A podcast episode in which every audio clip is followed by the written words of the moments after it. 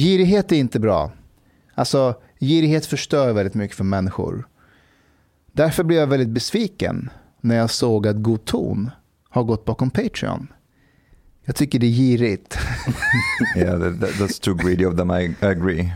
Jag tycker att konst ska vara fri. Det ska vara gratis. Den där Per Lindgren, det, det är en girig jävel alltså. en girig jävel. Jag tycker det är fel att tjäna pengar på poddar överhuvudtaget. För att det är samhällsämnen, det är viktigt för debatten. Free Sverige, exchange of information. Absolut. Mm. Ja. Och jag har ju röstat på Piratpartiet många gånger, så att ta betalt för kultur på det här sättet, det är bland det äckligaste jag vet. Det, är det. det ska vara undermines the culture, I ja. would say. Det, det. Ja. Det, var, det, var, en grej som jag sprang på eh, när folk... Alltså, det, det här är faktiskt ganska stört. När jag var ute och föreläste under 2016, 17, 18. Många jag sprang på trodde att jag gjorde det gratis. Alltså föreläsningar? Ja. Alltså de, de bara, åh du är en, eh, vad heter det, så här, um, um, vad heter det, eh, själ? Eldsjäl. Eldsjäl. Mm. Eldsjälen, det brukar säga eldsjälen Mustafa Panshiri är ute och, eh, och föreläser. Like, yeah, there is fire for the money. Ah, ah, jag hade inga problem med den bilden tills Daniel Riazad från Vänsterpartiet gick in och kollade på, min, på, på, på mitt företag. Nej, men jag tycker det var väldigt intressant för att så här, men jag ägnade mig åt det heltid. Men det, det, var så här, men i och med att du brinner för det här, då gör du det gratis. Yeah, actually this, this is like very strange. And, and the same attitude actually when it comes to like all like non-governmental organizations and so on that are working with, with questions that have to do with like values and things that are considered like good. There is this idea that it's bad if you make money while working in this field. Mm-hmm. Um, and this, this actually, pragmatically speaking, is also very bad because then you would select out people that can be really good and talented, but you know, they want to make some money too. So I think you kind of you lose out in the end. Problemet är också att, att eh, om det där ska försvinna så måste ju de som följer det och är medvetna om det också bryta det. Någonting som God ton gör nu det är att de, de visar ju inte hur mycket pengar de tjänar på sin Patreon. Det är väldigt svenskt i och för sig. Det är väldigt svenskt. We are eh, transparent at least. Vi, vi, vi är transparenta. Ja. Vi är transparenta med att vi inte tar betalt för vad vi gör. yeah, Exakt. Exactly. Hey, vill ni höra någonting roligt? Mm. Shoot. Um, jag var i, um, innan bokmässan så var jag i Karlstad och hade en föreläsning på ett bibliotek. Okej. Okay. Eh, bibliotek slash fritids... About your book, eller? Ja, precis. Mm. Eh, egentligen var det ju på en fritidsgård. Men eh, fritidsgården låg i anslutning till biblioteket, eller det är till och med samma lokaler. Mm. Och till att börja med, jag måste säga så här, jag har aldrig varit på en fritidsgård som var så fräsch. Jag har aldrig sett en sån fritidsgård. Dude, de hade ett rum, alltså det måste varit 70 90 tums tv. Shit. Där de, där de satt och gjorde musik med. Eh, jag har aldrig sett något liknande. Eh, sen What's the de... percentage of immigrants there? Ja, alla var invandrare såklart. Jaha, så det var ett utsatt område? Ja, ja det, var, det, var, det, var, det var eh, Kronoparken. Aha, men vet du, jag, jag har varit på en fritidsgård i Rissne. Där var det också sjukt fräscht. De hade allt och de hade precis byggt värsta feta musikstudion. Som, den hade kostat ordentligt. Ja. Sånt skit hade inte vi. Nej, jag vet. Och, och, och det slår mig alltid att när man säger att det inte satsas på utsatta områden. Eh, Okej, okay, nu har jag liksom Kronoparken som exempel. Eh, Ganman och jag var ju och filmade där tidigare. Eh, och då var vi inne i så, alltså, världens finaste eh, så, idrottshall. Alltså jag har aldrig sett något liknande och där kan ungdomar komma och spela eh, fotboll, basket, vad de vill. Sjukt fräsch. Så ibland när man säger att ja, men de stänger ner allting, det satsas inte på våra områden. Jag undrar om... För det gör det på många sätt. Alltså när jag var i Skäggetorp i Linköping som är ett särskilt utsatt område. Om du går omkring i Skäggetorp Alltså som barn ser det ut som eh, ett, ett paradis i alla fall. Så här, klippt gräs, basketplan, fotbollsplan, såna kort, eh, fotboll. Det är samma, det är min pappa han är i Rinkeby, han jobbar i skolan där. Mm. Han berättar ibland vilka budgetar de får och vad som är tänkt att göras med de här budgeterna. De typ badar i pengar. Mer eller mindre. Men om, om man har gått i en skola i ett sånt område. Jag kan lova att det är inte pengar som kommer vara lösningen. Liksom, vi hade helt okej budget i vår skola i Kista. Det, var liksom, det rå- rådde ingen brist på saker och ting. Men det fanns riktigt knasmänniskor där. Alltså riktiga jävla problembarn. Mm. Ingen budget i världen skulle ha löst det där. But wait, Whatsoever. I- I saw you wrote a tweet today about Arbetsförmedlingen, eller hur? I want to, I want to, is this information correct? Det är korrekt. Om du tar alla pengar som flyter igenom Arbetsförmedlingen, som de spenderar på olika saker. Eh, budgeten s- ni- 2019 var 66,8 miljarder. Om du fördelar de pengarna på alla arbetslösa i Sverige så blir det ungefär 12 400 kronor per person. Jävlar. Och det säger någonting om att om du behöver spendera i snitt 12 000 fucking 400 spänn per person för att hjälpa folk komma i arbete. Det är mer än vad folk får i CSN. But wait, you said that that includes the people who are working in Arbetsförmedlingen. Det inkluderar de 10 000 på Arbetsförmedlingen som kommer få sparken när jag har fått lägga ner den skitmyndigheten. What the actual fuck? Ja, Kom, Så- Gjorde du den här beräkningen själv? ja, det var plus och minus. Det var, det var inte ens minus. It's not that hard. Nej, nej, nej, is tänkte not your strong division. suit. Nej, men jag, jag tänkte att det var så intressant på att jag, jag tror att du hade läst det någonstans. Men du, Nej, jag, bara, jag vet inte vart, hur jag ramlade in på det. Men jag, koll, jo, jag kollade på en lista över svenska myndigheter. Och bara förstod inte vad vissa av myndigheterna var till. Nämnden för syslöjdsfrågor och så här. Helt sjuka jävla myndigheter. Så tänkte jag bara, men okej, det är kul att snacka om bullshit-myndigheter. Men hur mycket pengar får de här stora? Som vi antar är en del av det svenska samhällsbygget. Och sen slog det mig. Att, alltså vilken sjuk budget Arbetsförmedlingen sitter på. Och alltså i, i, i privat sektor, typ om du ska göra någon insats för att få fler kunder eller whatever, så räknar du alltid på hur mycket spenderar du per kund för att få den kunden att bli lojal till dig. Så då vill jag bara kolla, hur mycket lägger Arbetsförmedlingen ner per användare? Alltså Mm. arbetslös. Och det är mer än vad folk får i CSN. Shit. Men jag är inte för medborgarlön dock. Det var inte min poäng med det. No. Men- Do you think it's a, it's a bad idea with the universal basic income? Ja, det tror jag. You think so? But how would like okay here if with um, automation and, and, and so on in the end if if really a lot of jobs will be replaced you know like for example truck drivers and all like all all of the things that can be replaced by AI and so on those people will not be programmers Det är Uh, sant, ja. uh, what what the fuck would we do with them Okej, så här, så här. Det finns en överhängande risk Mm. att automatiseringen går så pass fort som många påstår att den kommer göra. Och om du tar, ja, men ta lastbilschaufförer till exempel. Det är en ganska intressant case. För att tekniskt sett är vi inte långt ifrån för att kunna möjliggöra det. Men sen finns det ju massa olika ekonomier som är beroende av lastbilschaufförerna.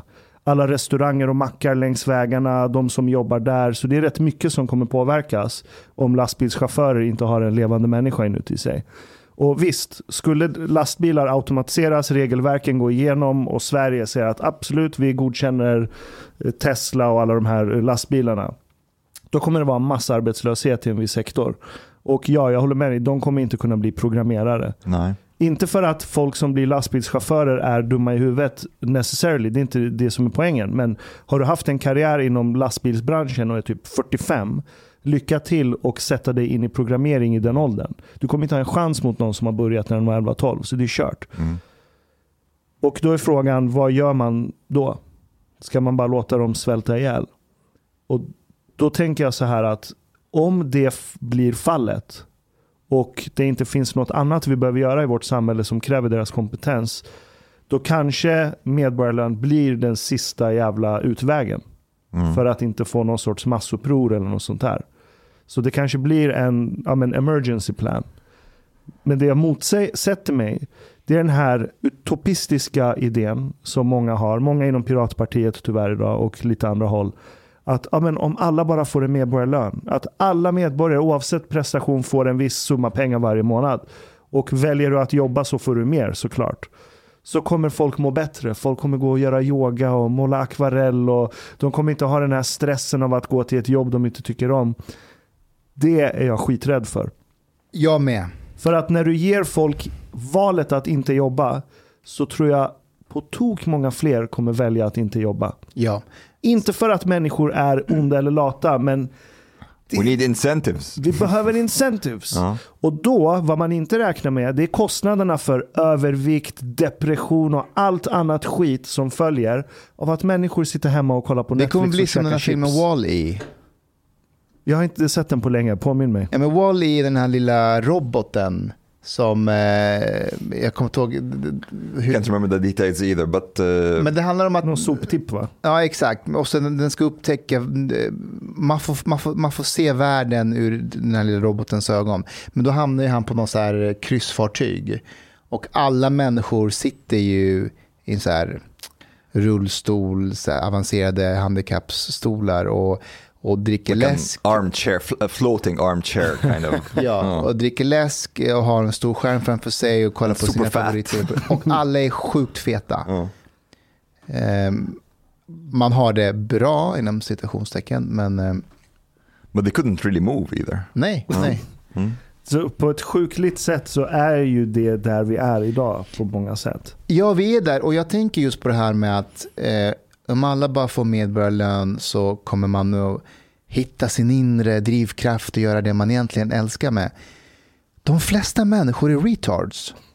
Hur många människor där ute vill hålla på med konstnärliga uttryck? De flesta människor vill bara, eller tyvärr, kan bara gå till jobbet och göra det de ska och sen gå hem igen. Jag ska ge ett exempel. Eh, Kallis, som vi känner till, som var här. Det är ju en person som är väldigt... Eh, han, han, han berättade för mig att han jobbade på Ikea en gång i tiden. Och att efter att ha jobbat på Ikea ett tag, då visste han vad jobbet gick ut på. Han kunde trucken, han kunde allt med datasystemet. Eh, och han var så här, men jag kan allting nu. Hur kan jag mer utmana mig själv? Det fanns ingenting mer. Och då kommer jag ihåg att han var så här, jag måste sluta nu, hitta ett annat jobb för att jag, eh, det finns ingenting mer jag kan göra. Och då berättade han för mig att han hade en kollega där som hade gjort samma sak i 20 års tid. Alltså samma sak. Och att Kallis, But I think m- many people, if not most people, are like that. det är det som är Ja. min poäng. Ja. Det är det som är min poäng, att de flesta är inte som Kallis. Ja. De flesta är som hans kollega. Och att Kallis förmådde inte att förstå. Han sa så att han försökte förklara, eller frågade sin kollega, men, men du kan ju allting. Vad, vad lär du dig på jobbet numera? Du kan ju allting. Men hans kollegas svar var att ja, men jag gillar att komma till jobbet och veta exakt vad jag ska göra och sen gå hem och inte behöva tänka mer på det. Och det måste man ha respekt för. Yeah. Ja, men alltså, we need that. Exakt. Vi behöver det. Utan yeah. den mentaliteten kollapsar rätt många av Yeah. våra system. För, alltså jag menar inte att folk var retards. Jag tar Nej. tillbaka det. Nej, men om Min- alla är som Kallis så kommer allting kollapsa också. För Ja. du kommer inte kunna planera någonting långsiktigt om folk bara sticker till höger och vänster. Min poäng är att alla människor är inte intresserade av att ha massa tid över för att kunna meditera och rita och måla. Människor behöver gå till jobbet och utföra en uppgift. Do you Yeah. think so? Or, well, I don't know. Maybe, maybe not. I think also mm, society in general is good at finding things that um, oh, can satisfy them. I think if I think, for example, if we reach a stage um, that, let's say, a very big chunk of the population or the majority of people are not working, we will find the culture will develop in a way that will give these people something to do. I don't think the society will collapse unless unless it happens at a very fast pace that outpaces the development of the culture. Okej, like if och- this happens within a month, for example, I think society would collapse. Yes, but if it happens across det seven, göra. uh, if Ja. it happens like gradually, I think we will adapt to it. En annan sak som talar emot kollaps, Mm. det är ju just det här Wall-E med analogin. För att även om skitmånga blir massarbetslösa, då tänker man ju så här, oh shit, det kommer bli revolt, folk kommer lacka ur. Men om de får 12 000 kronor i månaden, pizza, Netflix. Netflix-abonnemang, Ja. Det kommer pacifiera människor. Ja. Folk kommer bli så här, "Ah, pizza, jag har Fanta, jag kan kolla på serier. Och sociala medier kommer explodera. Fattar ni hur många wokisar fler vi kommer få? Idag jobbar ju ändå folk, men de har ändå tid att vara woke. Så vi kommer ha en massa, betydligt fler woke-människor och betydligt på andra sidan, alltså höger-woke-människor. De kommer kriga med varandra. Or it's possible that there will be like an equalizing effect because all of these people that don't really give a fuck about social media and all, this like woke, anti-woke thing will suddenly be forced on social media. They'll be like, huh, this Twitter thing, what's it about? and then you have like all these people that did, that you know were were totally not interested before get into this and they'll be like, what is this madness? You people are crazy. Ja, men då är frågan om de går med in the madness eller om de börjar göra det som sociala medier från början var till för, posta kattbilder. Jag tror inte det alltså. För att de som postade kattbilder var folk som var på internet av kärlek, de ville ha kul.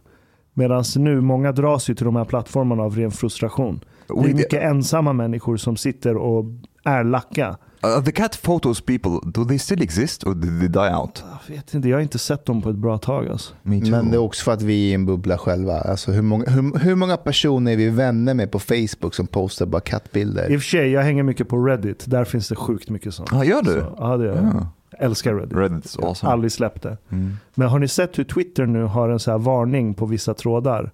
Där det står “This conversation might be intense”. Va? What? No. Alltså de är så jävla fula. För att vad gör man när man ser det? Du går ju in! Såklart! jag, jag har ju som mål att göra någon tråd så att jag får den stämpeln på mig. Det är mitt Trigger mål. warning. Men eh, tillbaka till Kronoparken. Mm. Just det. Eh, så eh, föreläsning drar över tiden. Eh, slutar klockan nio. Och eh, jag hade bokat bord eh, till en, på en restaurang inne i Karlstad som centrum. Men när jag kommer dit så de håller på att stänga köket. Och jag är sjukt hungrig, jag har inte ätit någonting på hela dagen. Så jag Mm, går runt get. Ja, så jag går runt i Karlstad som centrum och letar efter någonstans att äta. Och varje restaurang jag går in på så säger de tyvärr vi har stängt köket. Alltså klockan är 9.06 och så varje restaurang jag går till 9.010. Alltså, och slog mig att fan, det, det här jävla landet, alltså man måste väl kunna äta mat vid klockan 21. Tills eh, jag ser en restaurang och jag har gett upp hoppet. Jag har gett upp, alltså, det är ingen idé. Men folk sitter ju där och äter. Alltså varje restaurang jag går in på sitter folk och äter men köket är stängt. Och så var det med den här också, att alla sitter och äter där och umgås. Men jag, tänkte, så här, jag vet inte varför ens jag går in där, men jag går in där. Och så säger jag till personen bakom disken så här, jag har gett upp, eh, kan man äta någonting? Och då säger han, för sista måltiden, då är, det, då är köket öppet. Oh. Och för första gången i mitt liv så fick jag veta hur det känns att ha white privilege. And they're like, think of the power! ja. Och han, och han, han heter Oscar, supertrevlig snubbe. Vad hette restaurangen? Grejen är att jag minns inte vad den hette nu. Okej. Eh, men jag gör reklam för Oscar. Shoutout till Oscar. Restaurangen, han kanske slutar därifrån. Eh, men han var skittrevlig, öppnade köket, eh, kom med bra mat. Eh, jag gav honom en bok som, som tack. Eh, men, men fan vad nice det är att ha lite, lite privilege. Ja. Eh, Karlstad. I've been I've been there like a couple of times. My uh, my lesbian ex girlfriend, she's from Karlstad, uh, and like during the time when I was still seeking asylum, we were together, and um, we went to visit her parents over there, and I was like, you know, the most spoiled asylum seeker. I was just like looking at the place. I was like, why is it so dirty? What's this train station? Why are people like here dressed dressed like hillbillies? And I was like, I'm imagining what was going through her mind. She's like, you're a fucking asylum seeker from Egypt. Just Men- shut the fuck up. Men det där är, det där är ju klassperspektiv. Det är ju klassperspektiv. Du är ju så här övre medelklass egyptier i Sverige liksom. Men det är faktiskt sant. Alltså, tågstationer i det här landet, om det inte är Stockholm, Göteborg, Malmö, vissa undantag, de är ganska ruttna och döda. Ja det är det. Det håller jag med om. Deprimerande. Vissa stationer jag varit på så uppe i Norrland, i och för sig, där finns inte så mycket tåg, men så här bussterminalstationer. Det är bara ett rum med en Mm. bänk. They are dressed like hillbillies. Ibland. Det värsta med de här tågstationerna är ju, är ju att de stänger till klockan åtta. Alltså jag har varit med i sådana kommuner och jag tänkte en så här januari, januari dag, eh, en kväll när du ska med tåg. Då får du stå och vänta på tåget ute. Mm. Och det är klart jag ska ju klä mig efter väder. Men det är någonting med att äh, men vi har stängt stationen så du kan inte sitta in och vänta. Det är jävligt sjukt. Guys, did you, did you watch 30 minuter? Med Jersey, Ja. jag har inte sett den än. Du har inte sett? Är det värt att se? Kommer jag få stroke? Jag såg Ja, den du två kommer få gånger. stroke, men det är värt att Jag har se. sett alla memes. Och det räckte för mig. Oj. Att han kunde inte svara på varför. Han har forskat i 50 år. Men han vet inte om ökad invandring leder till ökad kriminalitet. But isn't this like a bit retarded? But it, it's it's very strange. Like, uh, and but doesn't he see the irony in what he's saying? Ska se om jag hittar, alltså det, några clips är faktiskt episka. Ja, de är det. Eh, han får en jättebra fråga. Nu hittar inte jag det, men eh, Browsa, jag ska öppna för Hanif. ja, är han här? Mm. Jag ringde honom. Mustafa, jag, Jävlar, vad har hänt? Eh, Han, han uh, jag har sprungit hit.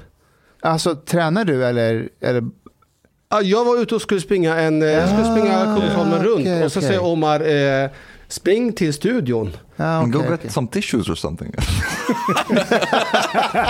Jag, jag, har, inga, jag har inga, Alltså, du är helt jag har inga problem med att jag är, alltså det är så här jag ser ut. Nej. Jag tränar. Men du eh, Mustafa, jag och Ashkan tyckte lite synd om dig så vi, har, eh, vi tänkte ha en liten eh, utbildning med dig angående hur du ska kunna connecta med ungdomarna i förorten.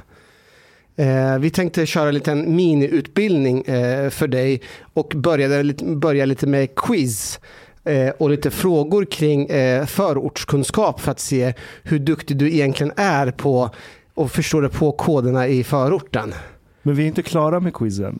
Nej det är vi ju inte, men kan vi, vi inte är börja... mitt inne i Jersey. Vad sa du? Vi måste göra klart quizen. Men vi vi har ju fem punkter. Har vi? Vi har fem punkter. Vi kan testa bara tre grejer. Okej. Vi kan testa. Den första, vi ska tänkte köra lite slang, ortenslang. Du har ju nyligen fått lära dig vad en kanin är. Ja, det är en miljon. En miljon. Och vad finns det mer för slang?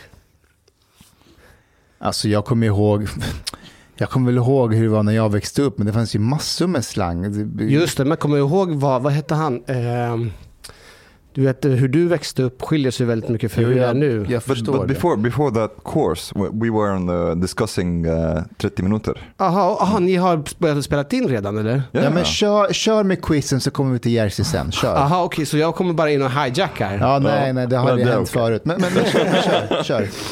Nej, men vi tänkte köra lite slang och eh, första frågan var Brano betyder. Brano. Brano. Och Det heter inte Brano.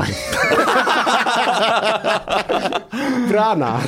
Nej, inte ens det. Vad heter det då? Bram. Bra och Bracka. Bracka finns ju. Inte ens Bracka.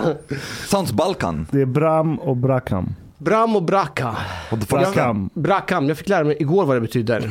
Och du quizar honom nu. Ja, men Nej, jag tänkte vi ska ju hjälpa varandra. Projicera Okej. mer Hanif. Do you know what that means? Nej, What does it mean? Det är på kurdiska. berätta Hanif vad det betyder. Det betyder bror.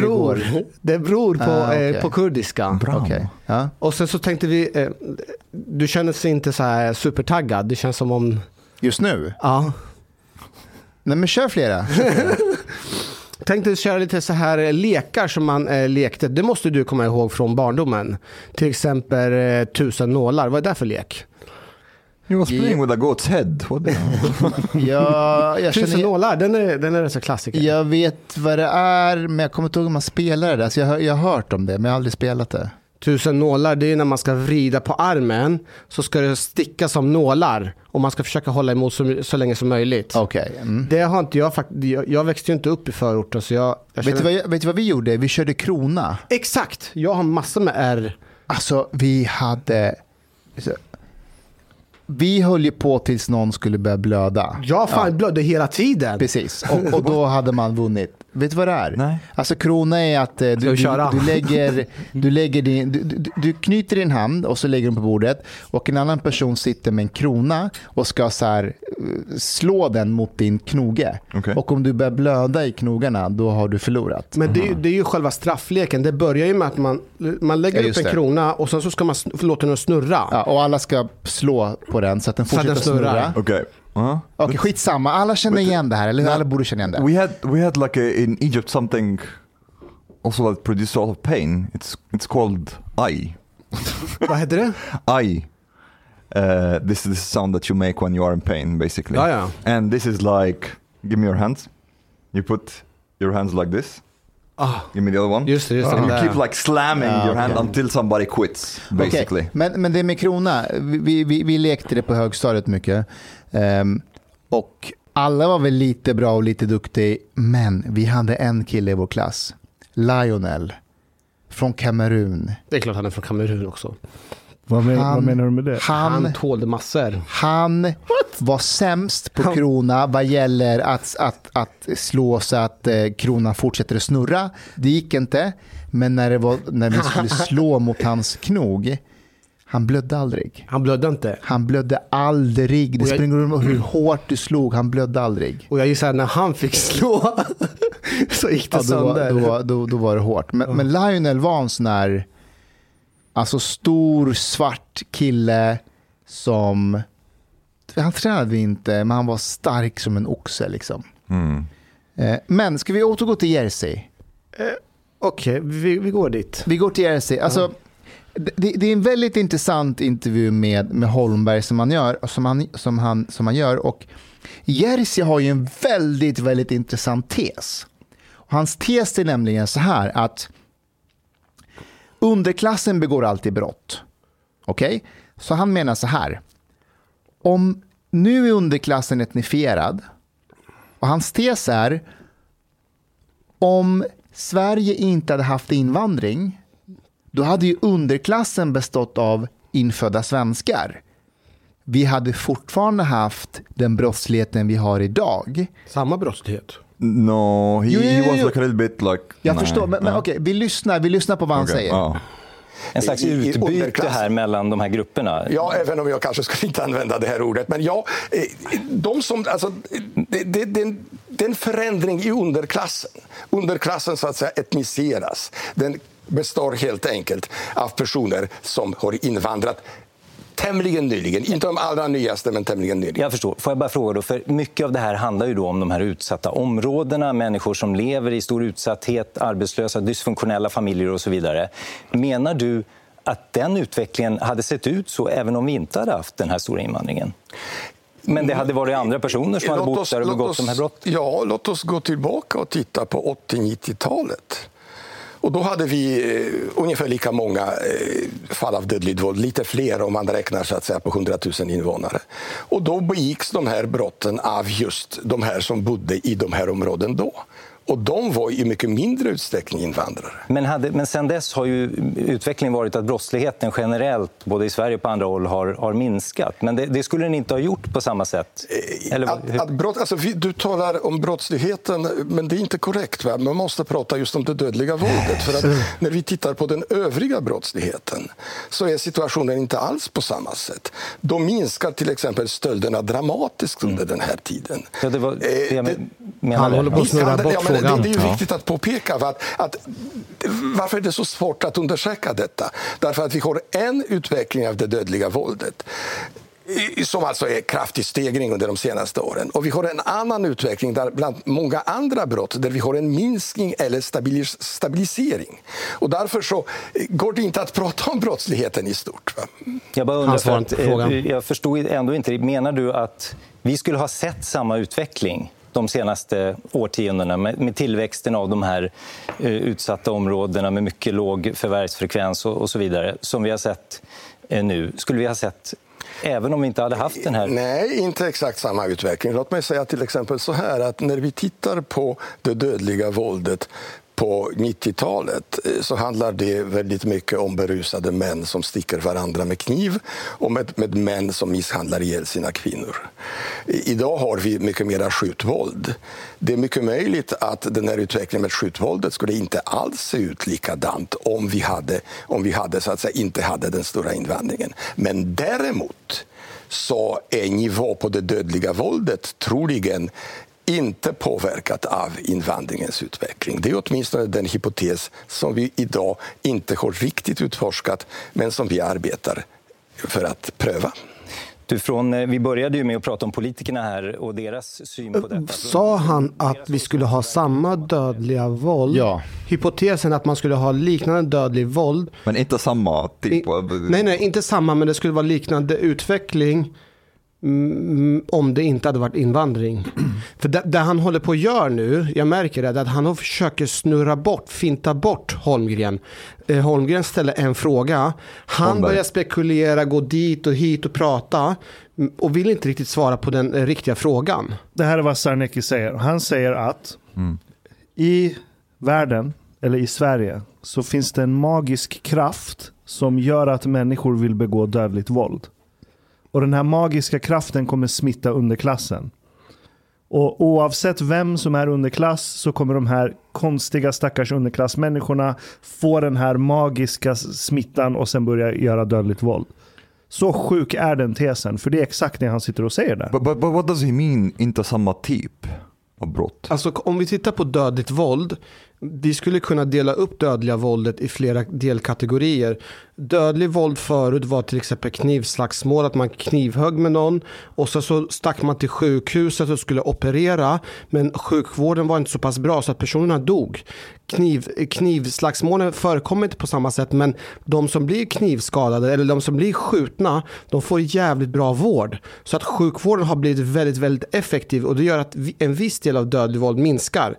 En annan dö- dödlig våld det handlar om till exempel våld i nära relationer. Den mig vetligen, Mustafa rätta mig om jag har fel, den är på samma nivå. Det har väl inte minskat så mycket det dödliga Vilket- våldet i, i nära relationer, alltså män som, eh, som dödar sina kvinnor.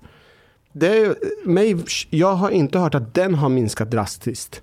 Den delen. Det, det dödliga, eller? We Alltså, surprised if it didn't though? Alltså det är ju ungefär, jag kommer inte ihåg hur många alltså, personer. alltså fyllemorden och Nej, så. nej, nej. Alltså typ så här män som slår violence. sönder Okej. sina fruar så de Det vågar jag faktiskt inte uttala mig om. Det är också en annan dödlig Okay, våld. so so maybe if if uh, I'm trying to understand what he's saying. So basically, he's saying that the level of deadly violence will be the same anyways, but it will be another kind. So is he saying that basically, underklassen, if they were Swedes, they will get drunk and stab each other, and we will have the same level of like basically fatalities, regardless. Han säger att det är deras mindre. hypotes som de jobbar på.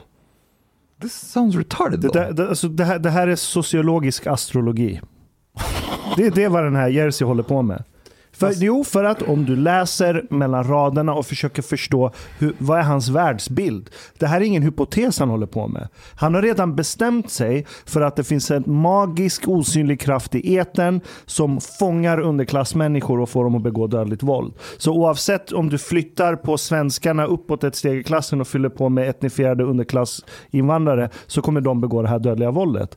Vilket är totalt skitsnack. Det finns i, så här, om, om, han, om hans hypotes ska stämma, då måste han också kunna bevisa att om vi inte hade haft massinvandring, säger vi, så att de svenskar som har lyfts från underklassen till en bättre status i livet, att det i sig inte hade räckt för att mycket av det här våldet skulle upphöra. Förstår du vad jag menar? Uh, inte riktigt, ta det en gång till. För att Okej, ta ett land som, det här är inte en skitbra jämförelse. Man men kan bara, alltid jämföra med Tyskland. Tyskland har haft jättemycket invandring. De har ju en miljon eh, eh, vad heter det, eh, flyktingar sedan 2015. De har fått en jättehög eh, andel invandring. De har inte samma dödliga våld som vi har. Yeah, but, but percentage wise, Sweden is much, much higher still, Ja, even than i Germany. absoluta tal, ja, men percentage-wise. i- Vi är åtta- 80 miljoner tyskar, vi är 10 miljoner Det är förvisso sant. And w- w- right now in Sweden, it's 20% of the population is foreign born. Mm. This is insane. Ja, det är det. Men alltså min, min teori är att alltså Sarnecki och de, de försöker, som du säger, de försöker bevara en tes och där den pratar om att det, allt, han försöker, om jag förstår allting så, så tänker Sarnecki alltid klass. Och han vill försöka förstå allting från ett klassperspektiv medan eh, etnicitet eller kulturer, det vill inte han ta in. Däremot så pratar han om subkultur nu. Det, det gjorde han under hela intervjun. Men en annan sak som är intressant med den här intervjun det är att Senecki har ju förflyttat Mm. alltså positionerna När eh, det gäller straff till exempel. när det gäller straff och Mm. speciellt av unga. Och vi ska bara lyssna på en sekvens hur det lät eh, när Holmberg frågade honom om den här förflyttningen eller ändrade uppfattningen. För du har också eh, eh, nyligen sagt, med anledning av att en 17-åring misstänks eh, för att ha skjutit ihjäl en polis, att man borde kunna döma en 17-åring till 10 års fängelse. Nej, det sa jag inte. Jag sa att man bör inkapacitera en tioåring under... En 17-åring, under mycket lång- inte en Eh, 10-åring, Förlåt mig. ja. Eh, Tioåringen eh, dök upp här av ingenting. Att man behöver inkapacitera... Då är du den 17-åringen. felciterad helt enkelt på det. Eh, Det måste det vara, eh, vilket inte händer så sällan. Eh, Jag har alltså sagt att vi måste hålla en 17-åring som springer omkring och skjuter på andra människor inlåst under lång tid. Kanske som, så länge som tio år. För så Kanske ser det inte med- ut idag. Så- så- Men det är det han han sa. sa! Inkapacitera i, i tvättstugan. Vad- vad- Jag förstår, förstår inte honom. Han, han, säger emot sig själv varje gång. Nej, men, kan, eh, om, om jag försöker filmtolka honom, jag måste hjälpa honom. Okej, okej, try. Alltså den här, eh, han sa tio år, kan det, kan det vara så att han uppfattar tio års eh, frihetsberövande som att det är en tioåring vi pratar Nej, om? nej, nej, nej, nej. Tioåring kom från ingenstans. He, he doesn't want to say prison. Nej, exakt. Han vill inte säga fängelse. Ja, han vill inte säga det. Inkapacitering. Ja, ja. Det är för, ja. För vi pratar Sen om en ungdomsanstalt och Nu, nu hittade fängelse. jag inte den scenen, men det är en annan scen som är jätterolig. Eh, där Holmberg säger till honom att men om den här sortens brottslighet orsakas av invandring och vi får en större grupp av invandring, kommer inte den sortens brottslighet att då öka? Och då säger Seneki, ja det är lite märkligt det där. För han säger ju nej. Han säger, men, men logiskt så låter det märkligt det du säger. But it's a bit strange when I think about it. Okay, it's Sweden and everything. But om han har haft fel typ hela tiden, eller vet inte. Why is he still employed? This, this, I think it's a very, I'm not making fun of him. Nej, this is actually a, a, a, like a question that I, I'm curious about. Och jag tror jag kan, alltså grejen är så här att han har ju ändå varit verksam och forskat i, i mer än 50 år. Och det, vad heter den där paradoxen? Ju mer du håller på att studera någonting, desto mer blir man osäker på sanningen. Eh, och när han får en direkt fråga vad orsak, olika orsaker är, han kan inte riktigt svara på den frågan. Men du Omar, som är så långt borta från det här, kan sitta här i podden och spekulera och tycka och tänka. Det är mycket lättare för dig att säga en sak utan att ha täckning för det. Men han som har forskat inom det är mycket svårare för honom. Okej, Okay, I can even buy that, but that means that what he doing is pointless. like if he's just like not arriving at any conclusions or arriving at wrong conclusions, then what's the point? Men alltså, om Might as well stay at home. Fast, Kolla, det, fast den, dödliga, den dödliga våldet som vi har att göra med just nu. Nu sa ju han att det är ungefär 10 år gammalt. Men jag vill dra det tillbaka till 2015 i vart fall i vårt område. Som det börjar den här dödliga våldet. Jag tänker så här, samtidigt som, som du ska bedriva en forskning. Nu bara gissar jag. Ashkan, du kan bättre än mig än, vad jag kan om det här. Låt säga att du ska påbörja en forskningsstudie om det dödliga våldet. Jag vet inte, det kanske tar ett, två, tre år. Och så ska man analysera och komma fram till svar. Det kanske tar mycket längre tid att komma fram till en slutsats än vad vi kan förvänta oss. För fors- forskning, det är väl alltid, det lackar lite grann. Alltså det laggar lite grann med resultat och allting. Ja, det finns ju lagg, men det finns... Ja, men om du tar så här. Grund... Det, det, går, det kopplar egentligen an till din fråga Omar. Att så här, han har haft fel i 50 år, ish. Varför är han kvar? Ett, han har ett fast jobb, så det går inte att bli av med honom. Två, mediala eh, ja, men så här, media som eh, vill ta in en kriminolog, de vet vad de får när de tar in Jersey. Det kommer inte bli någon kontrovers. De kommer inte behöva ställa de tuffa frågorna. Det är ganska bekvämt att ta in Jersey. För han säger i princip ingenting. Det är de flesta kriminologer säger ju ingenting. Jo, Am Amir Sarjaslan säger verkligen någonting. Fredrik Kärrholm. Fredrik Kärrholm.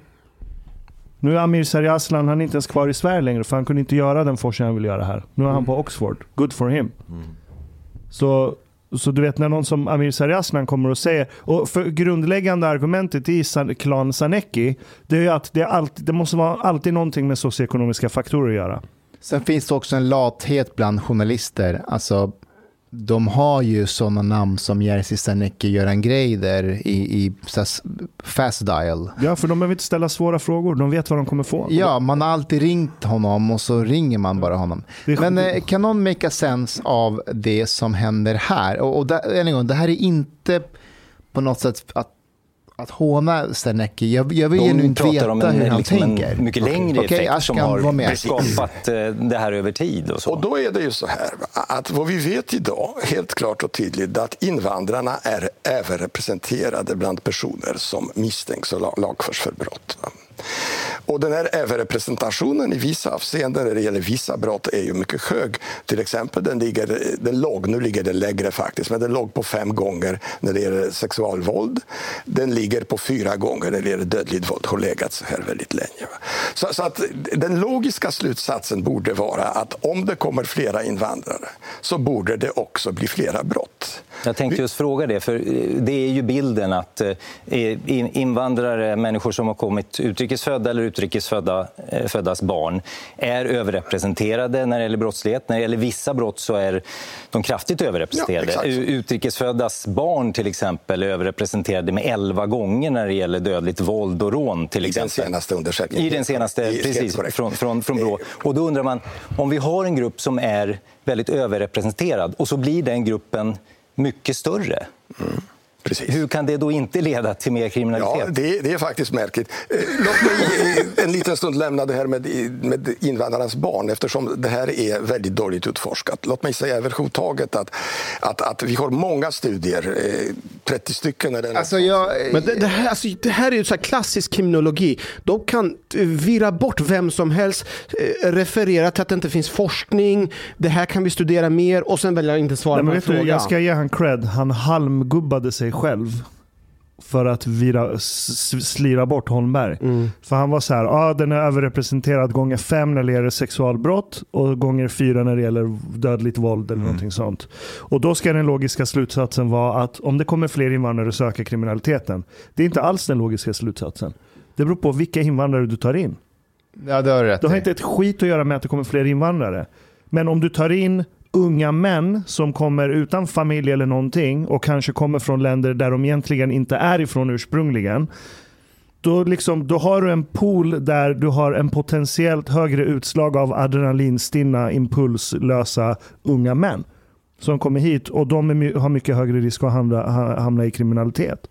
Det är det det har att göra med. But, but also like there's Vi har haft en keff invandring. Det har inte att göra med att vi har haft en hög invandring per se egentligen. But uh, yeah, I, th- I think you definitely should look at what countries uh, they are coming from. But one thing that people don't talk about often, uh, I wrote an article about criminality and, and migration recently, but and then I, for that I wanted to look at the uh, rates of homicide in different countries and if they basically correlate to different groups here being as violent.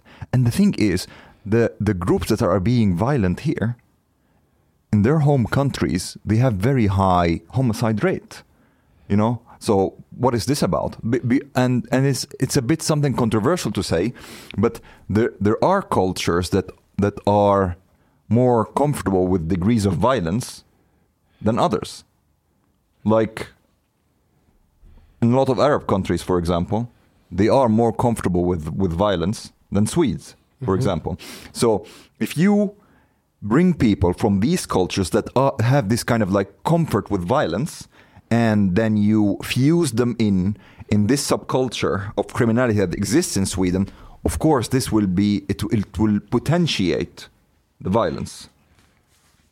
Ja, det låter inte konstigt alls. Men det No, beror ju jag också menar- på vilka av dem som kommer. Se om du tar in så här övre medelklass egyptier som är sekulära. I agree with you, but at the same time, if you, yeah, but if if you take like very large quantities, uh, they will be if they are large enough to represent the culture, then then it, it they will reflect the degree of violence Men that exists in yttrar sig the inte culture. kulturen olika i olika klasser? Alltså om du tar Kanada till exempel, de har väldigt hög invandring. Men de har en extremt selektiv Jag skulle invandring. säga det. Och är väldigt selektiv. Det är som liksom, det, det är så här shoppingmall, de går och plockar det bästa. Och så har de väldigt strikta regler för när, du- om du ska få eh, medborgarskap eller inte. Det, det är inte som här när de delar ut medborgarskap som Bingolotter. Exactly. Liksom. So I doubt that they will be taking like, for example, 100,000 Syrians uh, per år. Th- There wouldn't be that, like you know, number of academics and, and highly qualified people to to fill 100,000, 150,000 of one country. Förmodligen inte, nej. Ja. Jag har en, en fråga som jag har funderat länge. Som jag har, eh, alltså, när jag gick på Polishögskolan, Mustafa, du med, så fick vi ju lära oss väldigt mycket om socioekonomiska faktorer och kriminalitet. Eh, Men när jag pratar med er så låter det som om allting som har med eh, socioekonomiska faktorer, att det är bara eh, astrologi. Eh, Mustafa, vad tänker du kring eh, socioekonomiska faktorer och personer som begår brott? Och då tänker jag framförallt på typ så här eh, tillgreppsbrott och liknande. Alltså ja, det är klart att det finns en, en koppling där. Ja. Eh, Finns det verkligen? ja, alltså. På vilket sätt då? Alltså, så, jätte, jätteenkelt. Ja. Eh, om du är fattig och du är hungrig Ja. och du vill äta mat Ja. och du har ingen mat. Eh, vad gör du? Går du och jobbar men om du inte har ett jobb, det är Well, klart du går och snattar. But but I mean, you can Eller look det är at inte klart att du snattar men Nej. det, det är mycket möjlighet. But but again, I, I don't know why people just like look at. It's very strange. If we have right now multicultural society, it's very strange that people don't try to study the countries where these people come from. Uh, so, for example, if you compare China and El Salvador, they both have the have similar degrees of inequality in society. China has a super low homicide rate. Salvador has the highest like homicide rate in the world. Yeah, uh, you have other countries that are poor and they don't have the, the same degrees of violence. Hur, Fast nu pratar vi om separata, nu pratar hur vi om litar violence. du, va- varför litar du på Kinas eh, homicide Och varför rate? pratar vi om våld? Vi pratar om tillgreppsbrott nu. Om Tillgreppsbrott. Eh, Alltså att stjäla. Stealing.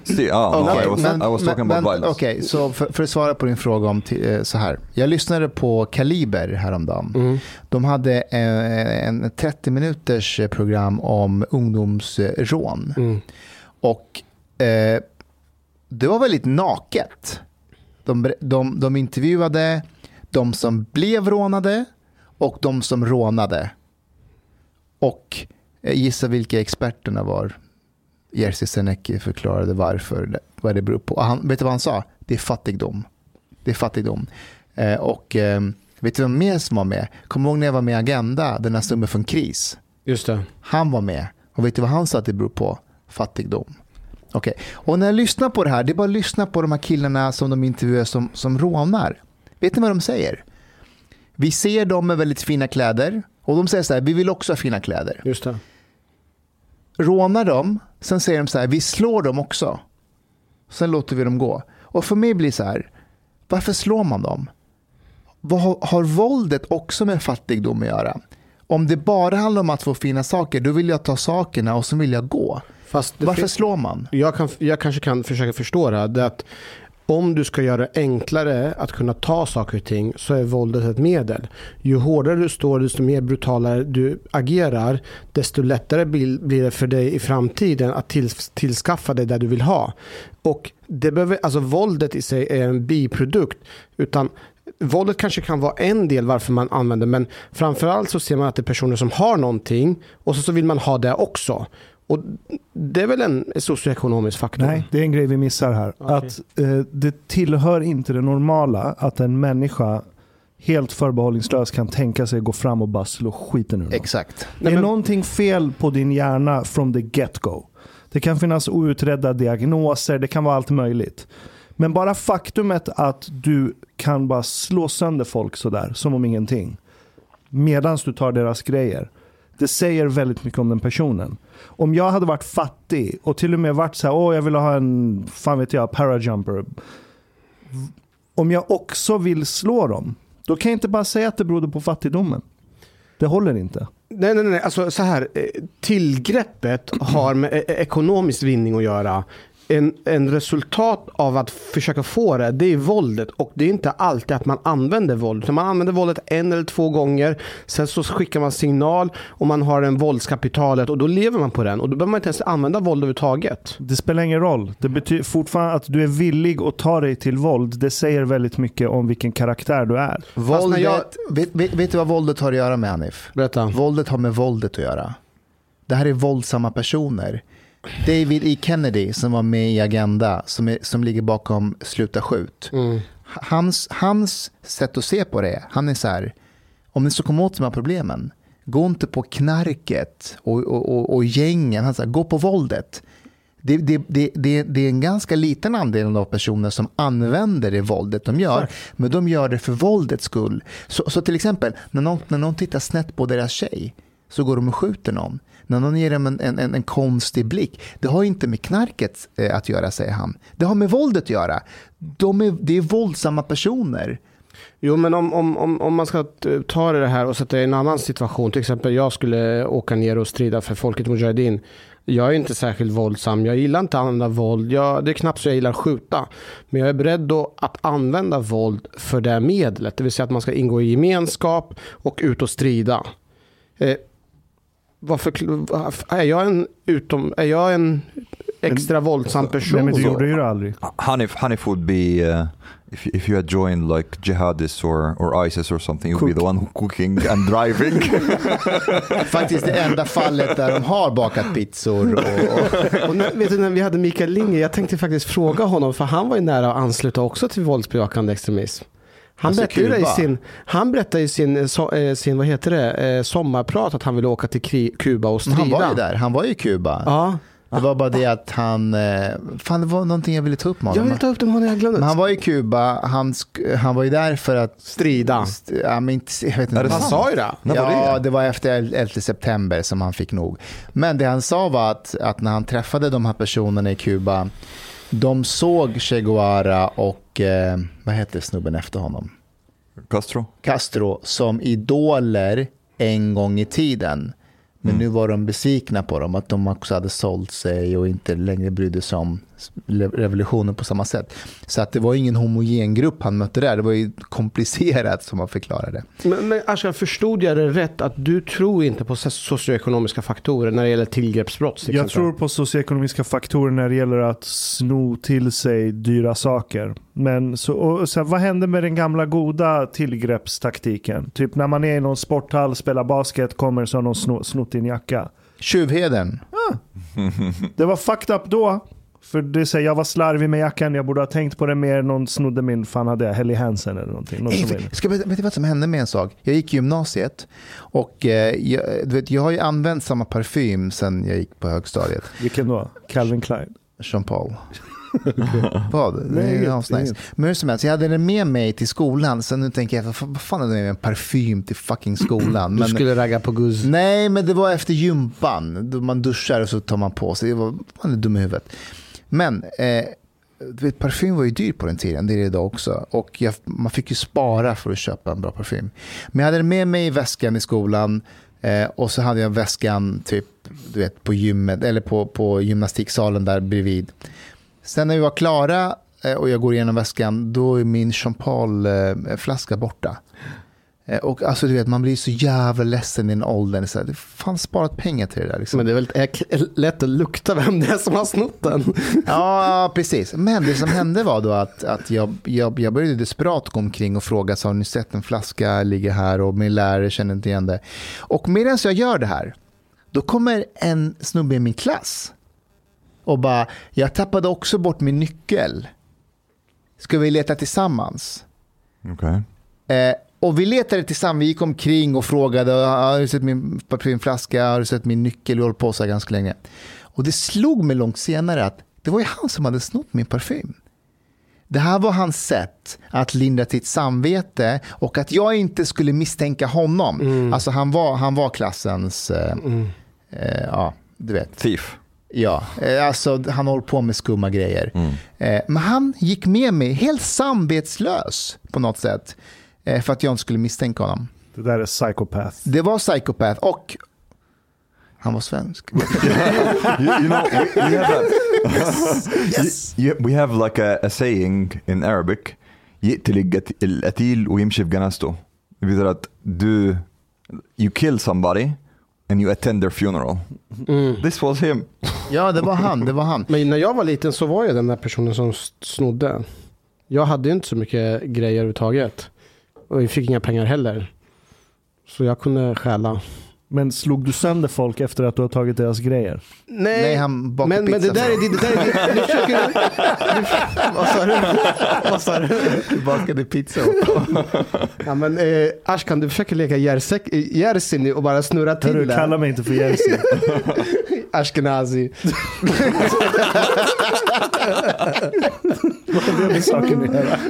Ashkenazi, det blir bra. Jag, tapp, jag tappade mina vantar en gång när jag hade spelat basket så här på vintern, dum i huvudet. Och sen eh, två timmar senare, jag har gått runt i Kista och letat efter dem. Två timmar senare så ser jag en snubbe från vår skola, så här Jugge, stor, och alla var rädda för honom, han var bråkstake. Så ser jag han gå där med sin kompis och han har mina vantar på sig. Så jag går fram till honom och jag bara, tja, eh, du, är inte det där mina vantar? Hittar du inte dem i basketplatsen? Han bara, ser jag ut som en tjuv eller? Jag bara, nej. Och så örfilar han mig. Aha. Han bara, det är för att du kallar mig för tjuv. Men var det han samma, så- han samma person som sa, vilket, är det Westside eller Westside Eastside? eller Eastside, det är han! Det är han! Det är uppenbarligen samma modus. Utan någon som helst bra anledning. Bara, en här Fucking asshole. Hej, eh, en fråga Let's, till let's show som... up at his doorstep right now. Track him down. När ni var små, eh, bodde i era hemländer, hade ni en så här särskild medel som ni tvättade och skrubbade era kropp med? Are you talking about soap? Or- Nej, nej, inte medel, ett verktyg. Ett verktyg? Ja, ja, ja, ja, ja. Va, vad heter det Vad på heter Dari? Vad heter det på Dari? Liff. Lofa. Lofa. Lofa!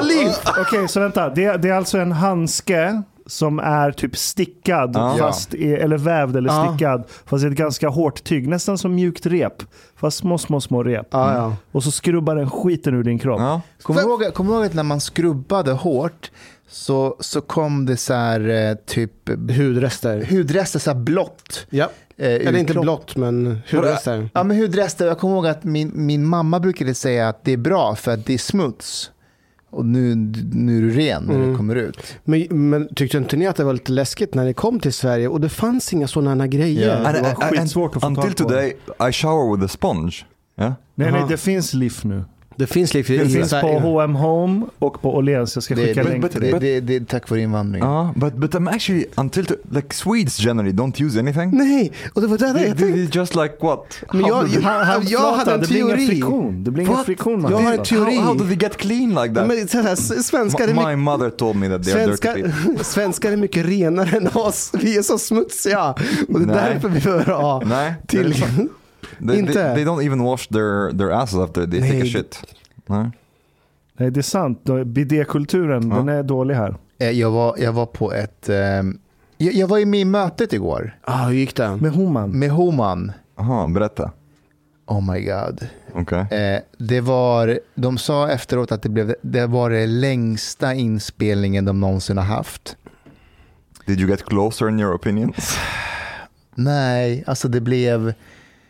Eh, men jag är väldigt glad ändå för samtalet för att det blev väldigt illustrativt för hur vi pratar integration i Sverige. Det är väldigt flummigt, väldigt rörigt, eh, finns ingen röd tråd. Eh, och Homan är ju en konstnär och hiphoppare så när han pratade, det var ju så här ett mörker här och väldigt så här rätt rörigt och de fick ju kliva in flera gånger och säga till honom så här, du, du, måste komma, du måste komma till en poäng. Han är väldigt poetisk i sitt tal. Väldigt poetiskt och han var så här, ett påbud leder till ett förbud. och ett mörker. Och, och, och, vet, och jag satt och bara nickade, bara, mm, okej. Eh, eh, men vi kom inte så vi kom, in, vi, vi- kom inte någonstans tyvärr. Men det jag skulle säga på att efteråt, vi, vi var i Rågsved eh, på en fritidsgård, såklart. Eh, och efteråt så skulle jag föreslå så här, ska vi gå och äta falafel? För att vi är två blattar såklart, så vi måste. Men eh, Rågsved, Rågsved har ju ett ställe som heter Amo. Jaha, okej. Eh, och det är Stockholms bästa hummus. Amo. Amo. Farbror. Amo. Stockholms bästa falafel och hummus. Och de är på White Guide. What? Så bra är de. Eh, Men det är mitt i Rågsveds centrum. Men, men vi var inne där och filmade när jag och han beställde hummus och äter falafel. Och så skulle jag i toaletten. Och när jag går in där, på toaletten, en liten toalett. Har de en kanna? De, nej, de har såna trädgårds... Wow. Eh, du vet som du plockar... Blo- blomvattnare. Nej, inte blomvattnare. Dusch. Alltså, Munstycksdusch. en munstycksdusch. Mm. Och jag lovar dig att tio av tio svenskar som går in, de tror att ja, de kanske ställer toaletten, vad vet jag. Men det är för att torka rumpan. Mm. Ehm, ja, det var det jag skulle säga. Eh, vi måste dra till eh, Amos. Lätt. No, not Amos. Sounds sounds too Spanish. Amos. Ammo. Ammo. Ammo. Amo. Amo. Amo. har faktiskt eh, en syrier som driver den. Mm. Och de har inte varit där så jättelänge. Eh, men That sjukt- explains the the whole water pump thing. Ja, ja, det är det. Mm. Men fan, White Guide, good for them. jag vet, Bra jag jobbat. vet. vet. Vet du vem som tog mig dit? Ida. Ida, självklart. Är det sant? Ja, men hon är en sån här white guide eh, Michelin-galning. Så hon bara, Rågsved, så drog vi dit. Mm. Stället vi var på var också Michelin. Rolfs. Är det Michelin-ställe? Japp. Var det därför Hanifs kaviar Michelin? kostar 500 spänn? Japp. Fan vad dyrt. I, I was not impressed. Nej men du ska ta deras signaturrätt. Du Du skulle tagit du- oxkind med potatispuré och tryffel. Jag fråga dig, varför tog du schnitzel? Um, the uh, everything else seemed like you know entrecote and like ox oxygen. It, it seemed a bit I don't know too soft. Den var skitgod. Var det? Det var Alltså- skitgod. Det möraste köttet jag någonsin ätit. Hanif och jag skulle ta grishuvuden. Alltså jag såg så mycket fram emot den. Mm. Eh, Men det have var, det, var, det var slut. Vad tyckte du om kaviarn då, Hanif? Det var... Alltså när jag var i, i Prag så åt jag anklever. Nej men, Då var det du om- jävligt gott. Det, Det har den inget här- med kaviar att göra. Vad tyckte du om Nej, kaviaren? sådär. Det var inget... Var det värt för eh, dyrt. 500 Nej. spänn? Tyckte du så innan du såg vad den kostade eller efter att du såg vad den kostade? Hade jag inte vetat att den kostade 500 spänn hade jag sagt att den var jävligt god. jag, jag har inte sett ett sånt utbrott som han fick. Fick var roligt. nota. Det gick så snabbt för det började med att han skulle betala. Och, Ja, men jag tänkte så här, jag ska vara generös och- mot Ashkan. Jag tar din kaviar. Har jag två skulle säga 500 spänn! 500 spänn! Then he looked at Mustafa. Du måste betala 100. Ja, exakt. Med 500 spänn och sen på det, jag tyckte att vodkan ingick i priset. Vodkan ingick inte i priset. Fan vad dåligt. Jag ska aldrig köpa mer. Vi måste dra till eh, Vårberg och äta afghansk mat. Lätt. Uff, det är riktigt bra mat. Eh, Afghansk mat, is it uh, similar to Persian food? Eller? Ja, det är det. Och- Jag skulle inte säga där. Really? Jag, skulle, jag skulle säga att, alltså, här skulle jag säga att afghansk mat är riktigt, riktigt underskattat.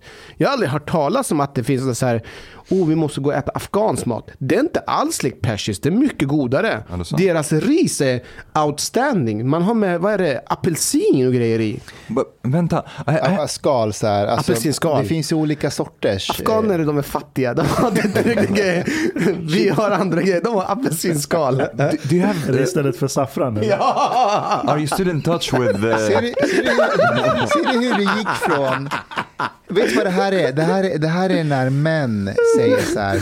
Kvinnor borde bestämma över världen. Vi män, vi är ingenting. Det är falskt. Det betyder ingenting. Så det började med att han bara afghansk mat är bättre. Och sen bara de var fattiga. De använder apelsinskal. But uh, it's, isn't it a bit strange that there aren't many uh, Somali restaurants in, in Sweden? We have like so many Somalis. Jo, men vet du vem som har? Eh, eh, Märta Stenevi har faktiskt med, Oh. med sin klan en, en restaurang. Mm, sense. i väldigt, väldigt utsatt område. Hon brukar jobba där på helgerna. Matriarkan is the one who's like uh, managing the restaurant. Ja. Huh? Det är därför hon blev så förnärmad av, av att vi, vi drev med klaner. That was one of the stupidest things that I've heard. That's what she Det, det, said. det finns en i Kista som heter Jobba. Den ska Mm. vara skitbra hört. Are you are you still in touch with uh, your relatives in Afghanistan? I've heard that things like economically and food wise as well and so on, things are really deteriorating very quickly there. Ja, och det exploderade en bomb i en shia-moské idag. Över hundra döda. Ja, Oj! 100 döda. hundra döda. Och det var väldigt sur- surrealistiskt att läsa den, eh, den artikeln som beskriver vad som har hänt. Det är så här, en självmordsbombare går in i en eh, shia-moské, eh, över hundra döda. Talibanerna har hit, skickat sina styrkor för att ta reda på vad som har hänt. För de har ju tagit över landet. Så talibanerna utreder Mm. vilka det är som har orsakat dessa shia-muslimer som har dödats. När de själva några månader senare sprängde shi- shia-moskéer Yeah. till höger och vänster. Så, så när de kommer in, de bara, måste göra en bra utredning, måste vara objektiva. Vad heter Kriminaltekniker. Kriminaltekniker. These shia pigs! Mm. Nej men, eh, min morbror eh, vill prata med mig. Ja. Så han skickade ett eh, på, på WhatsApp. Eh, och eh, jag har inte ringt honom än. För jag vet vad det handlar om. Okej. Du har lyssnat så här långt. På sista måltid. En mycket fin radioprogram i Sverige. Du tycker det är mycket trevligt. Men, min vän, lyssna på mig nu. Du har inte betalat biljett på klubb moltit. måltid. De har dom grabbarna de behöver pengar. Flis. Lax. Stolar. Dirabilar. Lix hotel. Du vet. Då måste du betala om du ska lyssna mer. Du får gaflera wsnit avsnitt också. biudande, heltenkelt. Les. Läs i beskrivning för avsnitt, där det finns information för att bli medlem på klubzista måltid. Det kostar som en mycket liten kafe late ute på torget. Per månad. Lätt som en plätt. Tack, min vän.